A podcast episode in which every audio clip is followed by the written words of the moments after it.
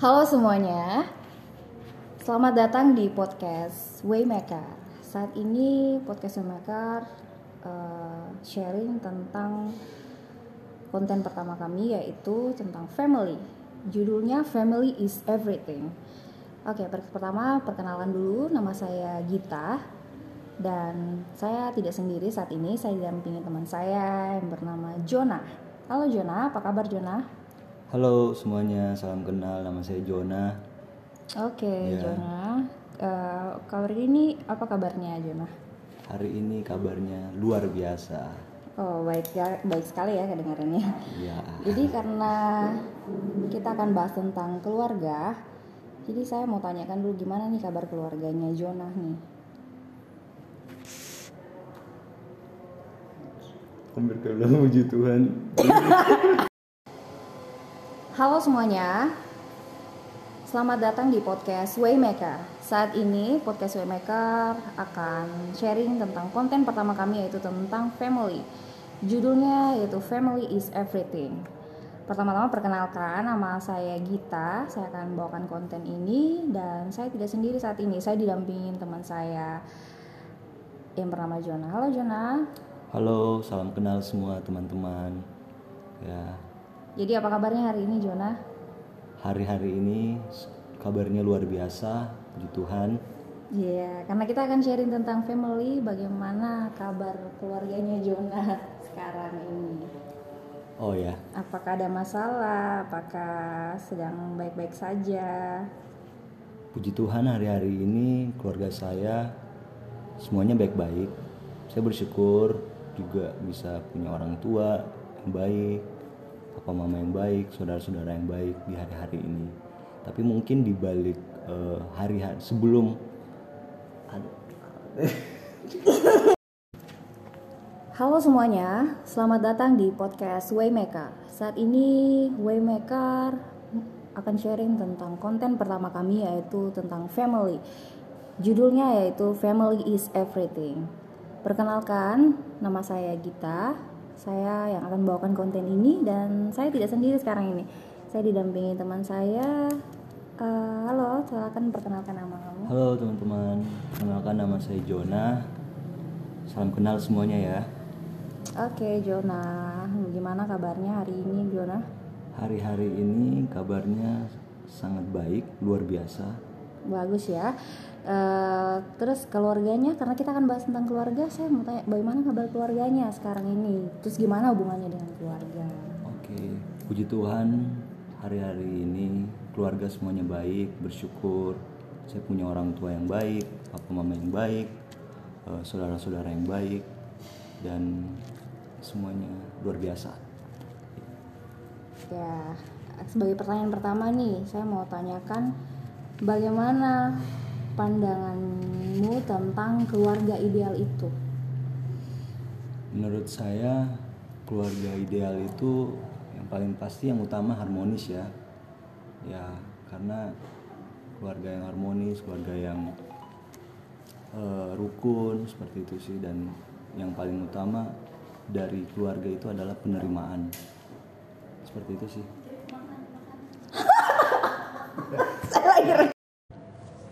Halo semuanya, selamat datang di Waymaker Podcast. Saat ini Waymaker Podcast akan sharing tentang konten pertama kami yaitu tentang family.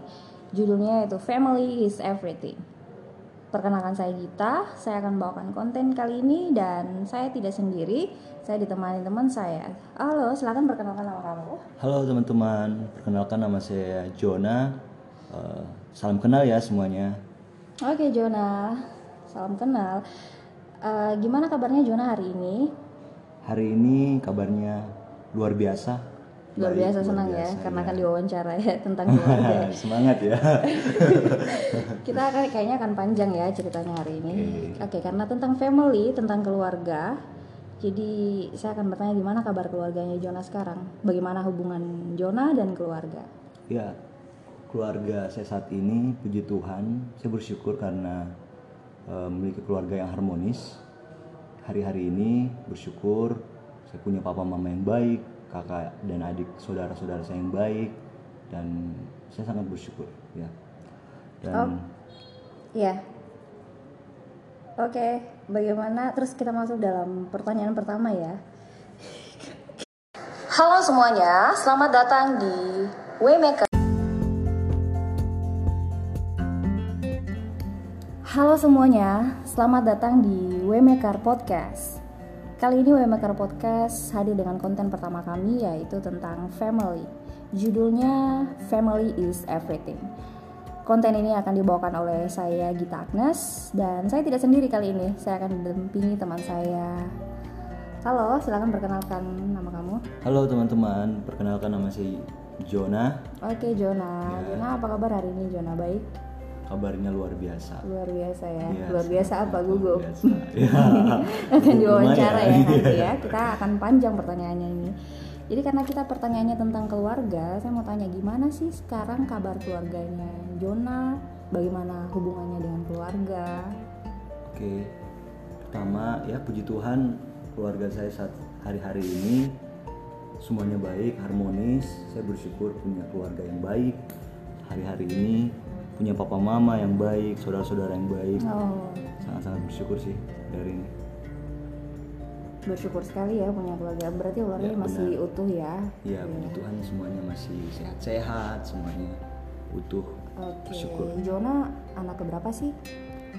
Kalau saya anak kedua dari tiga bersaudara. Oh, ada tiga bersaudara. Ya, Ya, kita masuk pen- eh, pertanyaan pertama ya Jona ya. silakan. Jadi saya punya pertanyaan, bagaimana nih pandanganmu tentang keluarga ideal? Menurut saya keluarga ideal itu adalah keluarga yang harmonis pertama ya, terus rukun dan juga eh, keluarga yang menerima kita apa adanya. Oh, berat sekali ya Ya. ini ya. Menerima kita apa adanya. Ya benar. Jadi eh, menerima kita apa adanya dalam segala hal gitu. Ya benar karena eh, yang paling pertama penerimaan itu harus dimulai dari keluarga seperti itu sih. Menurutmu siapa sih yang berperan penting untuk memberikan kebahagiaan dalam keluarga? Saya pikir untuk dibilang yang berperan penting, menurut saya sebenarnya eh, dalam satu keluarga semuanya punya peran penting masing-masing untuk memberikan kebahagiaan dalam satu keluarga. Memang dibutuhkan maka dari itu makanya dibutuhkan seperti seorang bapak, seorang ayah yang bisa menjadi ayah yang baik, ayah yang yang lurus, yang benar melangkahnya, begitu juga dengan ibu, dengan ibu yang mengasihi, ibu yang eh, menerima, begitu juga dengan saudara-saudara yang yang saling menjaga, saling mengasihi. Menurut saya itu sih. Jadi semuanya berperan penting ya untuk memberikan kebahagiaan dalam keluarga. Ya, benar sekali. Semuanya berperan penting. Tidak ada jadi tidak tidak menuntut oh hanya bapak saja yang patut untuk memberikan kebahagiaan dalam keluarga. Tidak seperti itu ya menurut Jona ya. saya tidak. Jadi semua punya keterlibatan begitu Semua ya. punya keterlibatan. Oke Jona. Kira-kira ya pas. Pertanyaan saya sih tentang konflik. Kira-kira dalam keluarga Jona pernah melewati konflik itu berapa lama sih? Eh, kalau bicara konflik, kebetulan memang saya sudah pernah melewati, keluarga saya pernah melewati konflik. Memang eh, dari kita pasti tidak ada yang mau konflik ya. Iya. Tapi eh, itulah makanya saya bilang dari awal bahwa untuk bisa keluarga itu harmonis dibutuhkan untuk semua ada keterlibatan saling saling ini apa eh, saling menjaga kayak gitu seperti itu. Saya pernah melewati satu masalah keluarga konflik keluarga antara ya mengertilah kayak eh, papa dan mama seperti itu. Dan eh, sempat terjadi ya sesuatu yang membuat juga mungkin eh, kami sebagai anak-anak waktu itu sempat juga Hancur. hancur juga waktu itu. Sempat juga terpukul apalagi kan eh, seperti eh, masalah waktu itu dibuat memang dibuat oleh papa saya seperti itu. Tetapi eh, saya belajar dari setiap masalah itu bagaimana kita punya respon yang benar seperti itu. Karena uh, mungkin zaman dulu saya menganggap bahwa orang tua saya khususnya bapak saya itu sebagai orang yang betul-betul tahulah orang yang uh, ibadahnya baik seperti itu. Tetapi suatu saat saya melihat bagaimana uh, kejatuhan-kejatuhan seperti itu sih. Tapi di situlah saya belajar bahwa kembali respon kita kayak gimana iya. Ya seperti itu respon. Mungkin kita bisa tersakiti baik itu dari keluarga dari papa dari mama. Tapi kita yang ada di situ apakah kita ikut juga mengambil bagian dengan melakukan ya mungkin dengan respon yang baik atau respon yang tidak baik kayak gitu. Menanggapi situasi itu. Dan ya hari-hari ini saya belajar untuk melihat segala sesuatu khususnya dalam suatu keluarga itu dengan kacamata penerimaan dengan respon yang baik seperti itu sih menurut saya jadi intinya penerimaan ya, ya seburuk benar. apa pun uh, perilaku karakter dari anggota keluarga atau kepala keluarga tapi yeah. tetap harus ada respon penerimaan yep. itu itu dulu yang pertama ya betul. poinnya dari Jona ya betul, betul.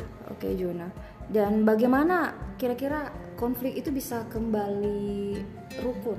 Istilahnya sekarang udah selesai ya konflik itu ya? Ya uh, puji Tuhan semuanya sudah selesai. Di situlah saya belajar penerimaan itu saya lihat dari sosok ibu saya. Di satu sisi saya melihat dia sebagai seorang ibu yang disakiti kayak sinetron ya. Yang tersakiti iya ya. yang tersakiti hati Tetap, yang tersakiti ya. ya ternyata ada di dunia nyata juga ya. Ya benar-benar. Jadi seperti itu. Saya melihat respon ibu saya saat itu. Uh, meskipun dia waktu itu memang bisa dibilang dia sebagai istri dan dia menghadapi situasi yang uh, sulit. sulit yang mungkin bisa buat dia juga uh, marah ataupun uh, tidak terima dengan keadaan. Tetapi di situlah saya pernah sampai satu kata yang pernah saya ingat waktu itu karena dalam waktu keadaan itu juga itu juga hal-hal dalam keluarga itu juga yang membuat saya kayak keluar dari keluarga dalam artian maksudnya uh, sudah nggak peduli dengan keluarga hidup bebas dengan cuek begitu dengan cuek keluarga, dengan ya? keluarga dan cari pelarian di pelarian luar. di luar dengan hal-hal yang negatif tetapi hmm. saya lihat satu sisi kata-kata dari ibu saya dia yang menasihati saya bahwa dia bilang mama saja yang paling merasakan tersakiti. Seperti itu. Mama bisa memaafkan mama bisa respon dengan baik. Di situlah kayak suatu pukulan buat saya. Suatu suatu pukulan keras sih buat saya saat itu karena saya tidak bisa terima apa yang dilakukan papa saya saat itu. Dan benar dari respon yang baik respon yang benar itu akhirnya itu yang mengubahkan papa saya. Dia melihat bagaimana keadaan yang terjadi meskipun dia sudah melakukan mungkin awalnya ada bentrok. Sempat ada bentrok dan tapi dalam situasi bentrok itu tidak ada kelanjutan. Karena mama saya yang sebagai uh, istri dia mengerti dia memang sebagai penolong. Jadi dia bukan bermental korban lagi oh, dia tidak bermental korban tetapi dia mengetahui bahwa inilah tugas saya untuk bagaimana saya menolong suami saya. Seperti itu. Dan di, di situlah dia dengan caranya yaitu menerima. Menerima dan mengasihi. Seperti itu. Dan puji Tuhan bapak saya diubahkan dan uh, keluarga kami kembali rukun meskipun saat itu saya belum terima ya belum okay. belum ini tapi masih ya, berproses masih ya? berproses ya? saat itu iya. tapi sekarang sudah iya gitu. sudah sekarang ya, sudah, sudah, sudah berubah ya, ya sudah lewat oke berarti memang uh, mama kamu itu istilahnya bukan hanya kayak di sinetron-sinetron begitu yang ya sudah saya tersakiti saja pasrah yeah, gitu ya istilahnya pasrah. tapi dia survive ya survive tegar begitu yeah. dan ya bergerak cari solusi begitu ya yeah. oke okay. poin keduanya itu berarti tetap tegar dan cari solusi dan yeah. ya tetap tetap ya responnya tetap jadi support yeah. buat si ayah ini ya. Iya betul. benar. Oke. Eh, pertanyaan yang keduanya, eh, ada tipe-tipe keluarga di dunia ini yang kita tahu.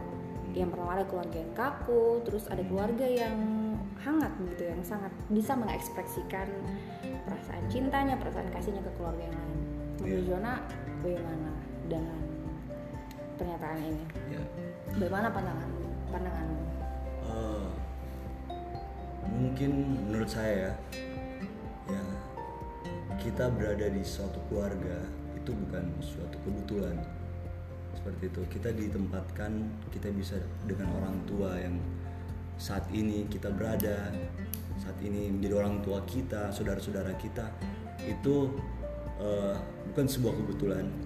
Karena saya yakin pasti eh, Tuhan pasti tahu yang terbaik buat kita. Entah mungkin ya kita mungkin melihat keluarga kita eh, kita pengen mungkin keluarga yang seperti keluarga keluarga yang lain. Yang yang apa? Pertama tadi Eh, yang tidak harmonis, yang, yang tidak kaku yang tidak kaku tidak ya. kaku seperti ini tapi satu sih sebenarnya menurut saya yang utama bersyukur itu sih inti utamanya bersyukur di mana kita ada keluarga di mana kita ditempatkan di keluarga mana kita berada meskipun kita mungkin lihat Yang lain kayaknya lebih Hmm, ini ya rumput ya. tetangganya selalu hijau. ya seperti itu Oke. mungkin ya seandainya mungkin kayak orang tua ayah mungkin yang terlalu kaku atau yang yang tidak yang tidak apa ya seperti itulah. Ya mungkin ya kalau kita sudah merasakan seperti itu berarti tugas kita untuk bisa meng- ini menyatukan kayak gitu. Membangun relasi lebih menurut saya seperti itu sih. Jadi tidak ada banding bandingan antara keluarga yang satu dengan keluarga-keluarga yang lainnya seperti sih menurut saya.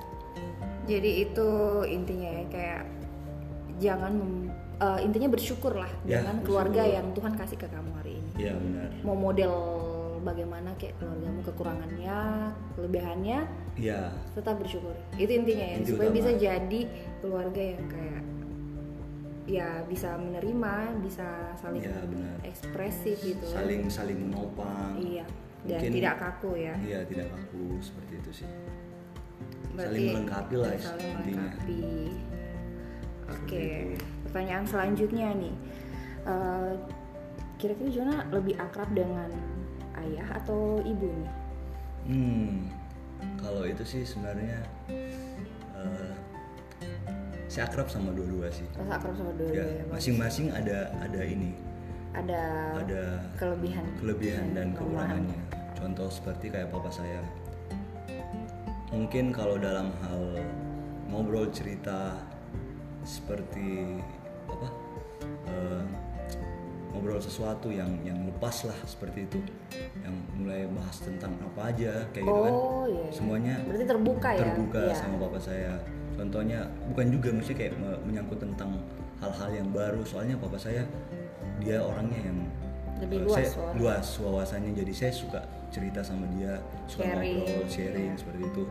Eh, nah kalau mama saya lagi, dia tipe orang yang memang betul-betul mengasihi kayak dan saya suka jujur kayak saya dengan ibu saya itu lebih suka kayak kayak bermanja-manja seperti itu kayak ah gangguin Kasih sayang saya. lebih dominan ya? iya lebih dominan kayak gitu Iya, sih Menunjukkan kasih sayang. kasih sayang gitu sama mama saya kayak kayak apa memperhatikan dia lebih seperti itu Caring gitu. caring Mungkin ya. ya. itu sih menurut saya jadi memang eh, antara kedekatan ya dekat dua-dua sih sih. tapi masing-masing ada yang. Oke, bagus ya. Biasanya ada yang pilih ayah, ada yang pilih ibu, tapi ini bagus bisa dua-duanya. ya Berarti kamu melihat sisi positif dua-duanya yang bisa kamu pakai, Iya, bisa benar. kamu pergunakan sebagai anak. Ya, baiknya anak laki-laki dengan siapa? Dek, lebih dekatnya dan anak perempuan dengan siapa sih menurut kamu? Eh, kalau di keluarga saya sih kalau di keluarga keluarga saya jujur kalau yang perempuan itu lebih dekat sama papa saya kakak saya apalagi kakak saya kan sendiri perempuan. Dari kami bersaudara tiga bersaudara saya laki-laki adik saya laki-laki kakak saya perempuan. Dan memang dia lebih eh, dekat sama bapak saya gitu.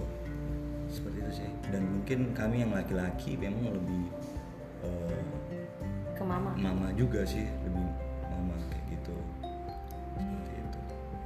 Tapi baiknya ke siapa sih sebenarnya? Atau cuman karena masing-masing orang senangnya ke papa atau ke mama? Ya sebenarnya uh, sama aja sih menurut saya. Sama aja sama ya? aja ya. Karena saya pikir antara papa dan mama itu bukan lagi terhitung dua antara papa dan mama tetapi mereka kan sudah menjadi satu sih menurut saya kayak gitu. Oke. jadi kasih sayang dan ini mungkin semuanya bisa lah bercampur di situ lah. Oke baiklah. Di satu nah pertanyaan selanjutnya nih apakah kamu pernah mendapatkan situasi di mana kamu merasa lebih pintar dari orang tuamu? Kira-kira Hmm. apa responmu oh ya saya pernah eh, menghadapi situasi seperti itu. Saya tinggal sama papa saya itu empat tahun. Eh ya mungkin empat tahun lah atau sekitar lima empat sampai lima tahun di Banjar. Kami berdua tinggal. Dan saya sama papa saya waktu itu benar-benar saya sudah selama bangun pagi lihat ke papa saya. Sudah itu sebentar malam lihat lagi. Jadi saya sudah tahu bagaimana sikap bagaimana, bagaimana eh, iya, iya. perilakunya bagaimana Kelebihan dan kelebihan dan kekurangannya. Iya. keputusan-keputusannya. Dan memang banyak eh, banyak tidak sedikit juga kayak banyak keputusan-keputusan khususnya dalam pekerjaan waktu itu. Saya menemani papa saya kerja ke Kalimantan dan banyak keputusan-keputusan yang memang menurut saya kenapa ambil keputusan seperti ini? Kayak nggak nggak pas lah kayak gitu kan kayak gitu. Menurut saya seperti itu. Dan banyak juga sih kayak pertentangan juga sama papa saya seperti itu. Wah harusnya jangan gini pak. Harusnya jangan gini pak. Gini gini gini. Sampai papa saya biasa ngomong gini.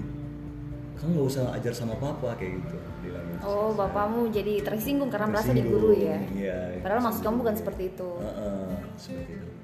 Ya seperti itulah. Jadi jadi harap maklum gitu kamu Maklum, aja ke bapak Hmm. kamu. Jadi istilahnya kamu mengalah ya. Ya iya. Bagaimana respon kamu ketika lihat ada anak yang kayak merasa oh saya lebih pintar dari papa saya jadi saya harus melawan gitu. Ya, eh, menurut saya untuk situasi seperti itu tetap saya pegang kayak gini bahwa orang tua itu ya kita harus eh, taat dan takut akan orang tua itu inti utamanya sih. Jadi eh, apa pun ya apa pun yang eh, kita alami dia itu wakil dari Tuhan bagi kita. Jadi memang mungkin ada keputusan-keputusan yang diambil yang mungkin kita berpikir ini wah salah ini. Tapi ya kita kita cuman bisa oke kalau mungkin mungkin kita mau beritahu bisa kita beritahu dan kalau itu pun seandainya orang tua dengan dengan memberitahu juga dengan cara yang baik-baik dengan cara yang eh, lemah lembut Sopan. dengan sopan seperti itu. Karena niat dia orang Ya, tua kita ya. ya ingat orang tua.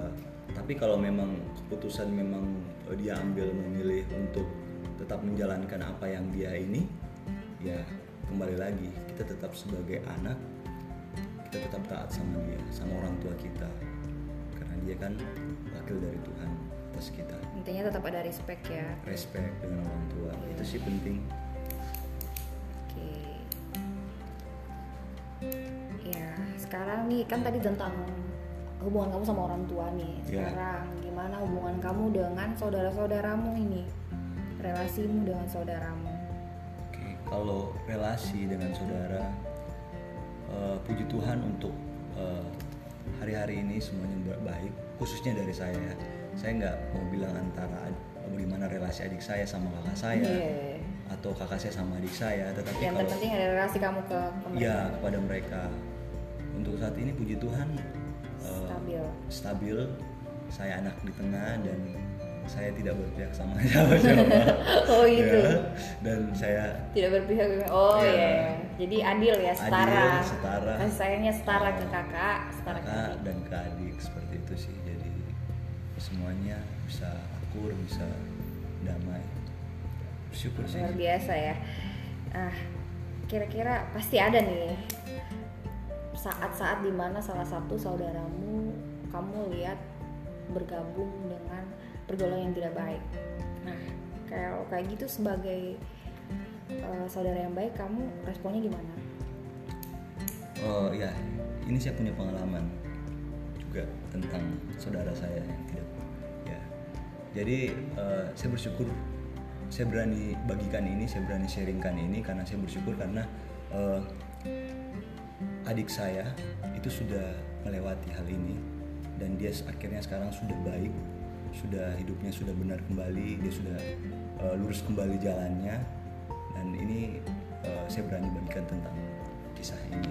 Nah, eh, saya pernah mengalami eh, keadaan seperti itu. Bagaimana saya melihat adik saya yang eh, saat itu dia terikat dengan eh, apa pergaulan yang, negatif di luar sana dan dalam hati memang waktu itu sempat marah apalagi waktu saya lihat dia datang ke rumah dengan kondisi yang eh, mabuk lah dan sebagainya. Terus apalagi waktu dia ngomong sama orang tua khususnya mama saya terus dia nggak sopan.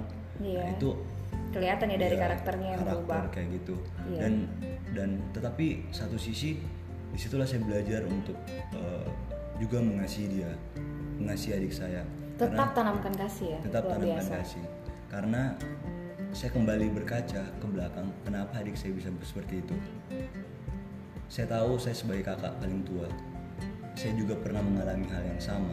Pernah di periode seperti itu juga? Pernah ada di periode seperti itu juga. Dan adik saya itu menyaksikan saya dalam eh, keadaan waktu saya masih eh, lakukan hal-hal negatif. Adik saya ada waktu itu dia masih mungkin SD lah atau SMP baru naik SMP lah waktu itu. Dia dan dia melihat kakaknya yang tidak bisa kasih jadi teladan. Iya iya. dan di situlah saya merasa waktu pas gitu di situ saya terpukul dan saya merasa ini salah saya saya tidak bisa jadi teladan buat adik saya. Dan di situlah saya belajar untuk menerima dia kayak gitu. Dan yang yang membuat yang paling eh, hancur hati juga waktu keadaan saat itu adik saya karena jujur sebenarnya eh, teman-teman dari adik saya ini sejujurnya itu teman-teman saya dulu. Oh. Teman-teman pergaulan saya yang yang membawa kamu karena negatif ya? Bukan justru saya mengajarkan teman-teman saya. Teman-teman Oh, saya akhirnya mengajarkan yang luar salah biasa. dari saya. Seperti itu dan Jadi itu menurun. iya dan itu menjadi pukulan buat saya dan ya itulah yang membuat saya kayak oh iya ya situlah saya sadar situlah akhirnya saya bisa menerima dulu mungkin kalau saya ketemu saya melihat adik saya dengan keadaan-keadaan kayak mabuk ataupun dengan dengan eh, tindakan-tindakan yang ini mungkin saya Negatif. biasa kayak marah dan kayak emosi dan terpancing juga bahkan sempat kami Kelahi. waktu itu Berkelahi. berkelahi tapi di situlah saya belajar eh, itu tidak akan menyelesaikan masalah oke yang penting inti utamanya adalah kita menerima dia menerima dia menerima adik menerima keluarga kita yang mengalami hal itu dan juga kita tetap memberikan nasihat dengan cara yang baik. Tidak dengan menjudge tidak dengan eh, Mengekang. mengekang tidak dengan eh, apa ya uh, pokoknya hal-hal yang menjudge lah dia menjatuhkan dia. Tetapi kita selalu coba bangkitkan dia. Ayolah kapan seperti ini terus? Berikan dia semangat. Luar ayo biasa. kamu pasti bisa. Berapa lama eh, kamu bertahan dalam situasi seperti itu? Situasi seperti itu? Cukup lama. Eh, mungkin kalau saya kalau saya sendiri tidak terlalu lama. Tetapi kalau orang tua saya khususnya mama saya itu lumayan lama menghadapi seperti itu. Tapi kalau untuk saya waktu itu semenjak saya datang dari Kalimantan waktu itu sekitar tahun 2015 sampai sekitar dua tahun dua tahunan lah. Ya sekitar dua tahunan 2016 17 segitu sekitar dua tahunan saya lihat keadaan adik saya seperti itu dan situlah saya belajar gimana harus menerima dia. Dan tetap kasih support. Kasih support dan selalu kayak berikan dia kayak eh, bukakan wawasan. Karena kadang-kadang seperti orang-orang kayak gitu dia tidak berpikir. Betul. Pikirannya cuman sempit di situ seperti saya dulu. Eh, mabuk happy happy happy happy happy cuma itu. di nah mungkin adik saya juga seperti itu iya iya. Nah, kita mesti bukakan dia. Kamu jadi apa? Terus kira-kira bagaimana? Inimu, inimu, inimu, segala macam. Kita harus coba bukakan dia biar dia bisa berpikir karena saya yakin eh, pasti hal-hal yang baik hal-hal yang benar yang kita bagikan sama orang itu tidak akan tidak akan rugi tidak akan rugi, tidak sia-sia akan ya? berlalu begitu saja sih Oke. Saya. Jadi intinya hindari penolakan, Penolakan. terhadap dia ad- saudara kamu yang terpuruk ini. ya Karena sudah pasti kalau kamu malah menjudge, mengekang, pasti dia tambah lari ke arah yang lebih ya buruk. benar Dan syukur ya sekarang sudah balik pulih berarti ya sudah pulih kondisinya sudah kembali rukun. Oke. Dari semua pembahasan kita ini ada beberapa kesimpulan yang bisa diambil. Yang pertama, keluarga itu harus ada penerimaan, Yap. ya kan? saling menerima apa pun karakternya, Ya, benar. apa pun eh, kelemahan-kelemahannya. Terus kedua, menjadi support, ya menjadi support buat yang lain, bukan malah menjadi korban atau malah diam saja kalau ada yang kasar atau kalau ada yang misalnya lebih dominan sifat-sifat buruknya tapi kita tetap jadi support istilahnya di sini berjuang ya anggota Ya, keluarga berjuang. Semua sama-sama berjuang. Semua sama-sama berjuang. Terus yang ketiga bersyukur dengan uh, keluarga yang Tuhan sudah izinkan kita untuk terima. Jangan karena iri dengan keluarga lain ya. kita banding-bandingkan atau uh, merasa tidak harmonis dan ya sudah keluarga menjadi kaku. Gara-gara itu. Terus yang keempat respect. Yap. sekalipun kita sudah tahu kelemahannya orang tua ini ya uh, khususnya orang tua. Sekalipun kita udah tahu kelemahan orang tua orang tua kita uh, kita lebih pintar daripada orang tua kita tapi sama sekali kita nggak boleh untuk tidak hormat gitu ya kan. benar. Karena orang tua ada ya wakil Tuhan, Wakil Tuhan, jadi kita juga harus sekali. hormati. Oke dari semua ini kira-kira apa nih poin penting yang pengen Jonah bagikan tentang keluarga intinya. Oke. Kesimpulannya gitu. Pelajaran yang bisa kita eh, bawa gitu tentang keluarga. Oh ya oke. Kalau kesimpulannya dari saya eh, kita tidak bisa kita tidak bisa ini apa eh, memilih di mana keluarga kita di mana kita ditempatkan di keluarga mana. Tetapi kita bisa eh, di mana pun keluarga di mana pun kita berada kita ditempatkan di keluarga kita saat ini. Kita bisa membangun hubungan kita bisa membuat keluarga kita itu menjadi keluarga yang lebih harmonis. Semuanya kembali kepada kita respon kita dan keluarga itu penting karena keluarga itu adalah barisan pertama bagi kita khususnya eh, orang-orang muda generasi muda. Barisan pertama di eh, ring satu lah ibaratnya dari eh, kehidupan kita. Apa yang kita alami di dalam mungkin kita tidak bisa merespon dengan baik keadaan yang dari keluarga kita itu pula yang akan kita bawa sampai keluar. Kita akan merespon juga hal-hal yang tidak baik dengan hal-hal yang di lingkungan dari keluarga di luar dari lingkungan keluarga kita. Seperti itu. Jadi memang penting sebuah keluarga yang eh, benar-benar sama-sama berjuang benar-benar sama-sama mengerti. Mungkin eh, papa mama atau saudara-saudara kita belum mengerti tentang hal ini. Satu hal yang mungkin yang bisa kita lakukan adalah kita bisa menjadi teladan duluan. Kita bisa Oke. menjadi eh, contoh kita bisa mungkin terlihat beda. Mungkin hidup kita yang dulu tidak seperti itu tetapi saat kita bisa eh, berbalik pasti akan ada eh, dari keluarga kita sendiri bilang kok ini anak bisa begini ya? Ya kenapa bisa berubah ada ya? perubahan. Ada perubahan ya? Keluarga pasti sadar. Ya, saat keluarga sadar dia melihat kehidupan kita, saya yakin satu orang hidup benar dalam keluarga, satu keluarga itu akan benar, akan di, eh, diubahkan juga. Iya, betul sekali, betul sekali Juna. Jadi intinya kita upayakan sebagai anak yang sadar pertama kali Iya. dengan hal ini kita upayakan dulu relasi yang terbaik jadi dalam keluarga Benar sekali. dan ya berarti itu akan membawa kita untuk punya relasi yang baik di luar Dengan dengan siapa siapa saja. saja.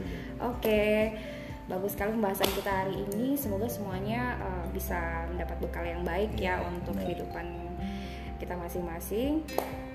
Um, saya rasa sekian podcast kita kali ini, sharing kita kali ini. Sampai jumpa di podcast mendatang kita, sharing kita yang selanjutnya tetap bersama kami dengan Waymaker Podcast. Terima kasih.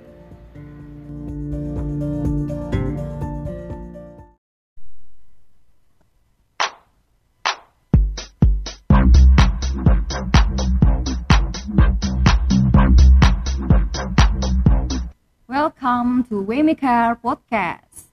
Oke, balik lagi guys di Waymaker Podcast. Kali ini kita ada di episode kedua yaitu tentang insecure. Kali ini saya ditemani dengan teman-teman saya yaitu Bill dan juga Jonah. Halo, Bill, Jonah. Ya, halo. Halo, halo, halo. Gimana kabar kalian akhir-akhir ini? Ya, saya puji Tuhan baik ya. Kalau Luar biasa. Luar biasa ya, kayaknya semangat sekali. Kayaknya ini sudah melewati tahap-tahap insecure ya, jadi lebih percaya diri nih suara-suaranya. Oke, langsung saja kita karena hari ini bahasanya insecure, jadi kita harus tahu apa itu insecure. Apa sih insecure itu? Jonah sama Bill bisa bantu saya jawab.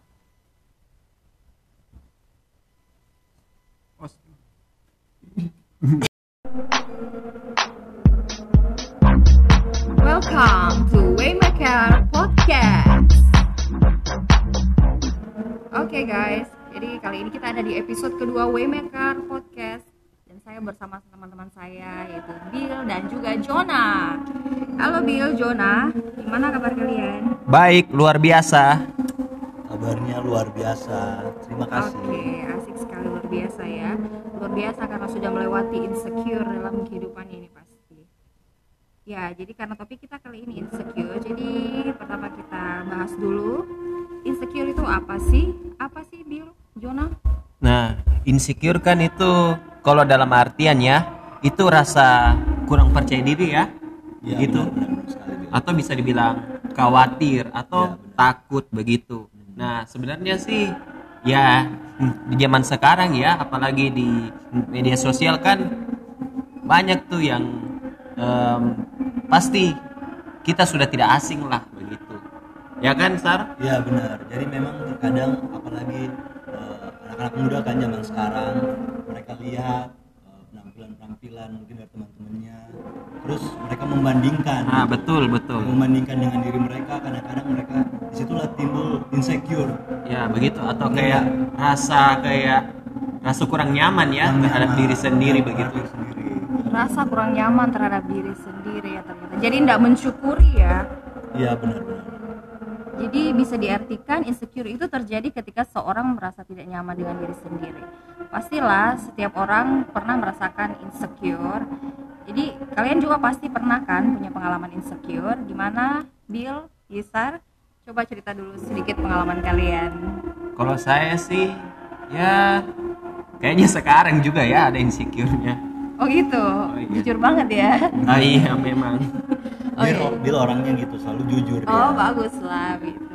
Jujur tanda mulai dewasa. Gitu. Iya. Ya, Kalau sih. saya sih insecure-nya ya em, mungkin ya karena kita kan eh, mungkin em, hmm, kalau kamu gitu umur umur berapa kamu? aku umur 25 Kamu Sar?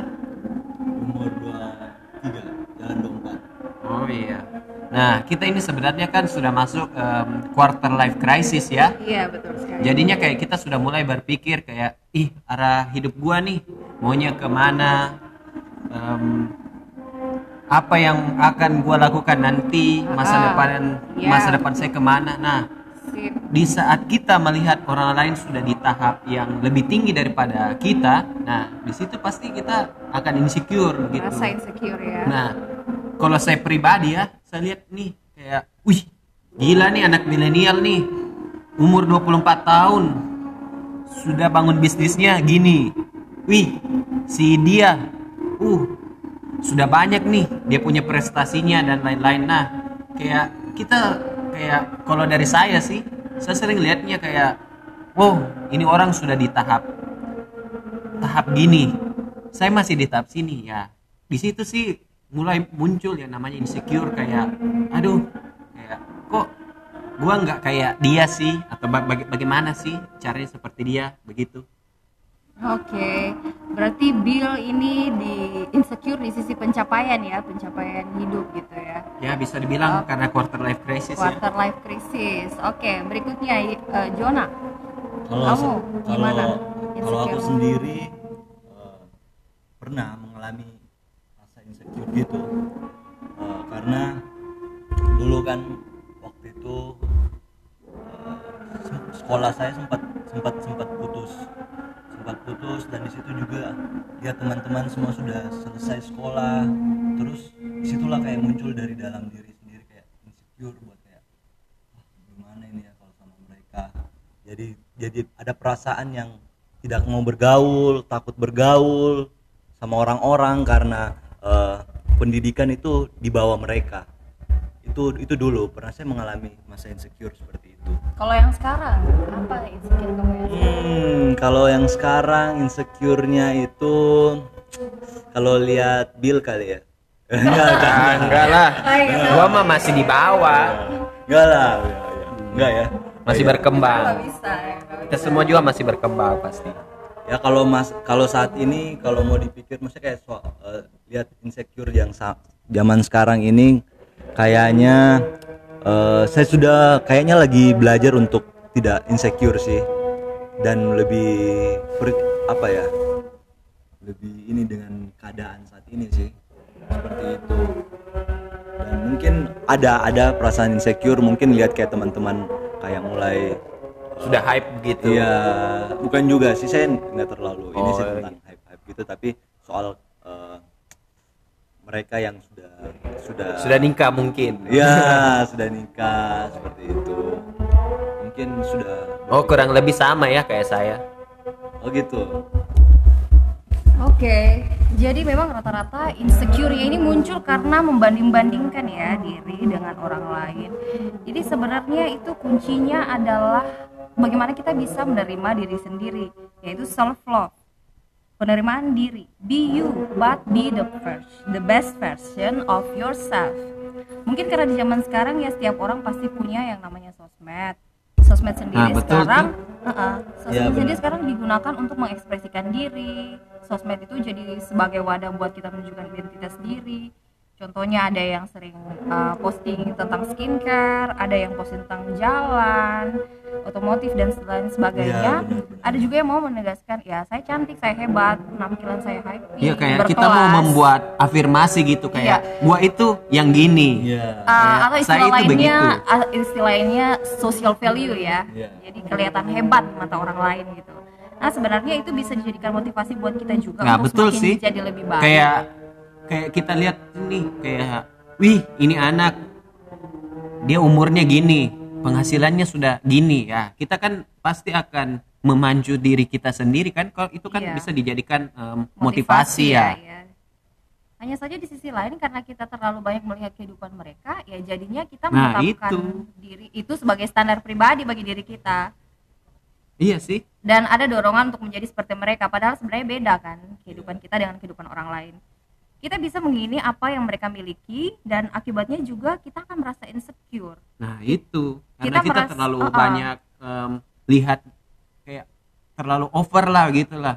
Iya. Overfit lah kita lihatnya orang gini gini. Akhir akhirnya kita kayak menetapkan kayak standar mereka itu ke diri Diri kita, kita, begitu. Padahal kan iya. kita ini pribadi yang berbeda-beda. Kan kita kan punya pasti cara berpikir, kita punya goal juga kan pasti berbeda-beda. Beda.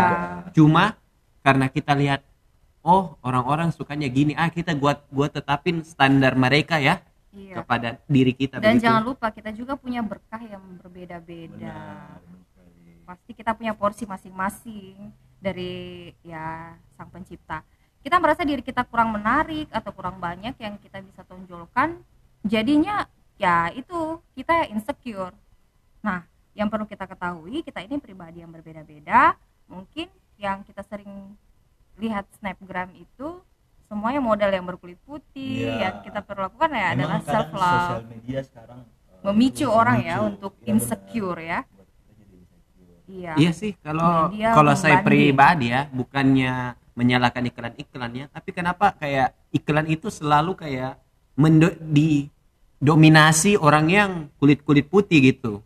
Padahal kan wanita-wanita di negeri kita ini wanita-wanita Nusantara kan terkenal dengan kulitnya yang kayak sawo matang gitu. Kan udah banyak juga kan yang maksudnya yang kayak biar nggak nggak putih kan tetap lebih cantik dan su- superior ya. Iya. udah pengalaman siapa? ya. siapa tuh sar? Siapa tuh sar? Siapa tuh? Siapa yang dimaksud siapa sar? Jangan bisik-bisik dong. Oh Mika Tambayong. Oh iya Ya, banyak lah ya. Oke. Jadi ada sebuah quote dia dari buku yang pernah saya baca. You are the victim of the rules you live. ah Lebar. banget itu Ya. Kita adalah korban dari standar orang lain yang kita masukkan ke dalam diri kita sendiri. Jadinya kita tertekan. Gimana Nah, nih? betul Bill? itu. Hmm, Tanggapan kamu? kayak ya karena kita karena kita berusaha untuk menjadi orang lain ya kita kita itu em, kayak menetapkan rules begitu. Dan ujung-ujungnya kan standar ya? kita kita ya betul. Nah nah ujung-ujungnya kita itu ya betul sih. Kita itu victim of the rules we live by. berarti inti intinya ini kita harus lebih banyak self love ya. Jadi apa Ya, adanya aja ya. lebih banyak self dan menerima ya. diri sendiri. menerima diri sendiri. Ya penerimaan diri sendiri sih itu penting banget sih. Mungkin mungkin kita bisa lihat orang itu acuan buat kita tetapi bukan menjadi suatu yang eh, standar mengubah kita standar sendiri. hidup kita. Ya betul. Oke, karena kan pasti orang eh, eh, seperti kayak berhasil kayak gitu semua kan pasti akan ada jalannya masing-masing kan. Dan yang, penting- paling penting lagi setiap orang kan happy-nya berbeda-beda ya Iya, setiap benar, orang kan benar. goalnya berbeda-beda ya gitu Iya, setiap orang goalnya pasti berbeda-beda. Jadi harus punya ya pencapaian sendiri untuk mengatasi insecure sendiri.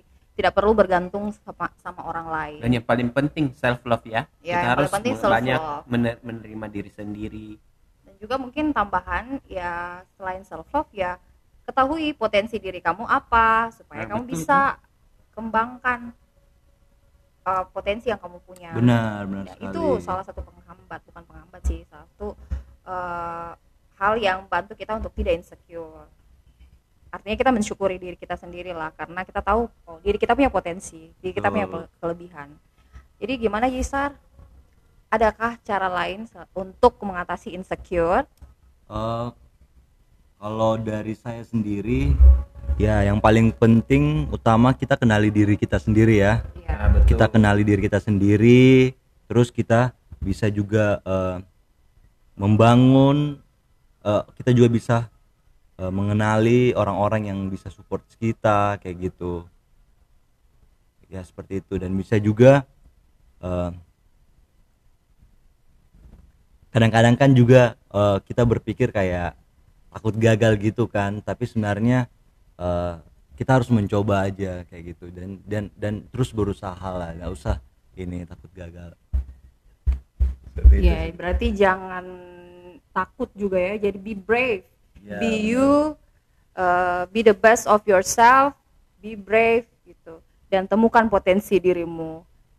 Ya jadi itu ya yang paling penting dari topik kita kali ini ya untuk menghadapi insecure Iya Iya. sih, kalau dari saya pribadi kan, ya kita harus banyak-banyak gali potensi diri begitu. Kayak misalnya sih, kalau misalnya saya belum kenali diri saya ya, paling yang bisa kita lakukan di zaman sekarang ya, kita ikut workshop-workshop gitu ya. Kan sekarang sudah hmm, sudah banyak ya Banyak gitu kayak sumber workshop-workshop ya, ya. begitu kayak em, kita kita kayak nantinya kayak kita dapat pencerahan. Oh, saya sebenarnya em, hebatnya di sini. Oh, saya sebenarnya hebatnya di interior. Oh, saya hebatnya mungkin di sempak bola atau yang lain-lain. ya workshop atau enggak ya bisa juga sih sebenarnya dicek minat bakat di Iya, ya benar. apa Intinya namanya konseling diri konseling sendiri gitu ya lah. mengenali diri sendiri ya itu jadi satu kekuatan buat kita satu kekuatan awal buat kita untuk menghadapi insecure. Ya benar. oke teman-teman. Kali ini eh, sampai di sini sharing kita.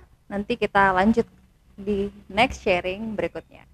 Oke Waymaker Podcast. Goodbye